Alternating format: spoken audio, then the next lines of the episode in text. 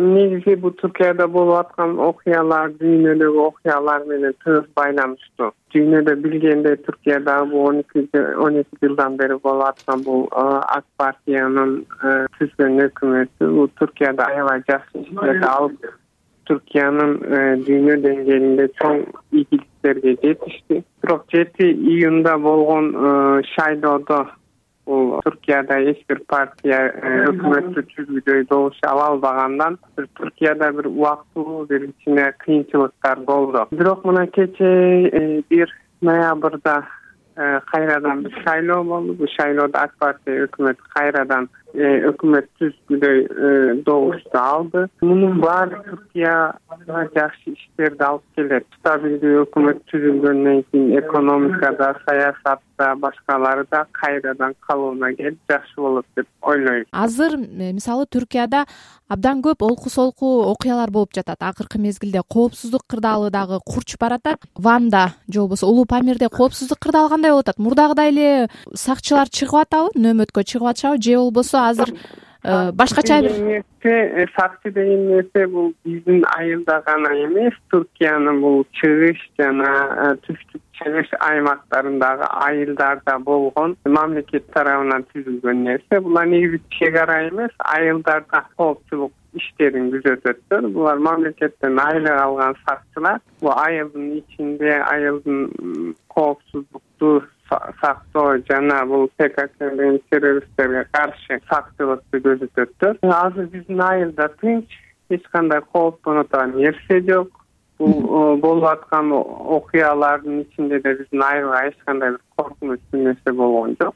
Биздин ошол мекендештерибиздин арасынан сириядагы чек арага сирия түркия чек арасына барып кызмат өтөп аткан аскерлерибиз барбы же жокпу? Жок жок мындай да бул э, сакчы деген нерселер булар э, негизи армиянын тышында. Бул аскер эмес мамлекеттик иш катары булардын негизги кесиби ушу айылда боло турган нерсе. Алар мындай чек арага же башка нерселерге барбайт. Экономикалык кырдаал да кичине жайлап калды да туркиянынчы эл аралык эксперттер жыйырма процентке ылдый түшүп кетти деп айтып атышат экономикасы туркиянын кыргыздар кандай силерге эпкини сезилдиби же сезилген жокпу? Мисалы элдин арасында кандай өзгөрүүлөр болду? Эми бул экономикалык нерсе бул карап көрсөңөр дүйнөдөгү дагы россияда кризис бар казакстанда бар кыргызстанда бар жана туркиянын чөйрөсүндө азыр бул соңку чыгышта байланыштуу билесиздер. Ошого байланыштуу бул кризис. Туркиянын абалы чет элде айткандай андай начар эмес. Экономика стабилдүү мына э, шайлоо өткөндөн кийин доллар кайрадан түшүп атат боорса көтөрүлүп атат. Бүт ушул э, көрсөткүчтөрдүн баары экономиканын келечекти жакшы боло турган биздин э, айылдын же болбосо кыргыздардыкын экономикасы албетте ушуларга байланыштуу. Бирок мындай иштеген андай мындай кылгандарда эч бир кыйынчылык жок.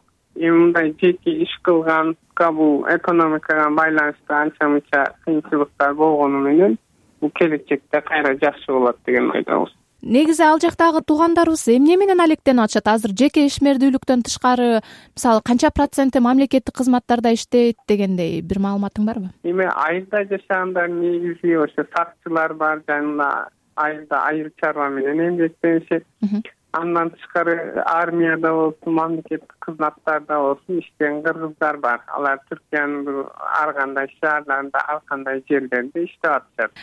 Кыргыздар негизи ошо ван э, улуу памир айылында жашашат. Анан малатияда анкарада стамбулда э, ошондой эле адана деген шаарларда жашайт. Кыргыздарда э, мисалы кыргыз тилин үйрөнүү же болбосо кыргыз тилин окутуу жаатында дагы бир топ кыйынчылыктар бар деп уктук эле э, мугалим жетишпейт деген сыяктуу нерселердичи. Жалаң эле түрк тилинде билим алып жатышат да азыр э? Эми туркияда негизи бул расмий жана мамлекеттик тил түрк тили. Бүткүл сабактар мектепте ошо түрк тилинде гана сабак берилет. Эми башка тилде бул окуу мүмкүн эмес. Бирок бул э, кыргызстан эркин болгондон кийин бул э, кыргыздардын талабы боюнча кыргызстандан бир кыргыз тили жана кыргыз тарыхы боюнча мугалим келип бул айылда ошо элдер балдар тилин тарыхын унутпасын максатында бир эки жыл алар сабак берип кетишкен э, азырда болсо могу кыргызстан элчилигинин менен иштеп ошо кыргызстандан кыргыз тили тарыхы боюнча мугалим сурап атабыз эгер ушул жакында ишке ачса айылда ошо тил жана тарых боюнча кыргызстандан келген мугалимдер сабак беришет курманбек анан силер орто муундун өкүлү болуп калбадыңарбы азырчы? Мисалы силер өзүңөрдүн тилиңерди кыргызча ой жүгүртүүңөрдү сактап кала алдыңар. Силерден кийинки муун кандай акыбалда азыр кыргыз тили же болбосо кыргызча ой жүгүртүүсү кыргыз менталитеттери сакталып калдыбы айылдагы кыргыз тилинин деңгээли жакшы.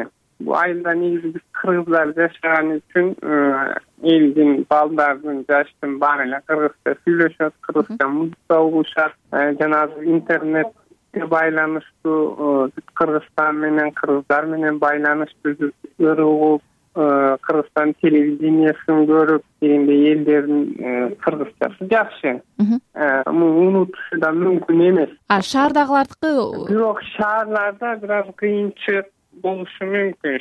Себеби кыргыздардан алысыраак турган жекече жашаган жаштардын балким бул айылдагыдай тилди үйрөнүшү кыйын. Бирок бул ата энелер буга көңүл бурса үйүндө балдары менен кыргызча сүйлөшсө ошондой эле өздөрү балдарга үйрөтүшкө аракет кылса мындай бир кыйынчылык болбойт. Анан курманбек э, мисалы улуу памирде кыргыздар э, кыргызстанда болуп аткан саясий же болбосо кандайдыр бир өзгөрүүлөргө көңүл бурушуп ошону талкуулаган учурлар болобу? Ооба да. Эл деген канал бар билесиздер. Ошону айылда баары көрүшөт. Жаштардын көбү кириллица алфавитин билгени үчүн интернеттен бул жаңылыктарды угуп турушат ошондой эле азаттыктын берүүсүн радио каналынан угуп турушат. Бүт эле окуяларды окуп билип ал жакты эме кылып кабардар болуп турушат. Курманбек рахмат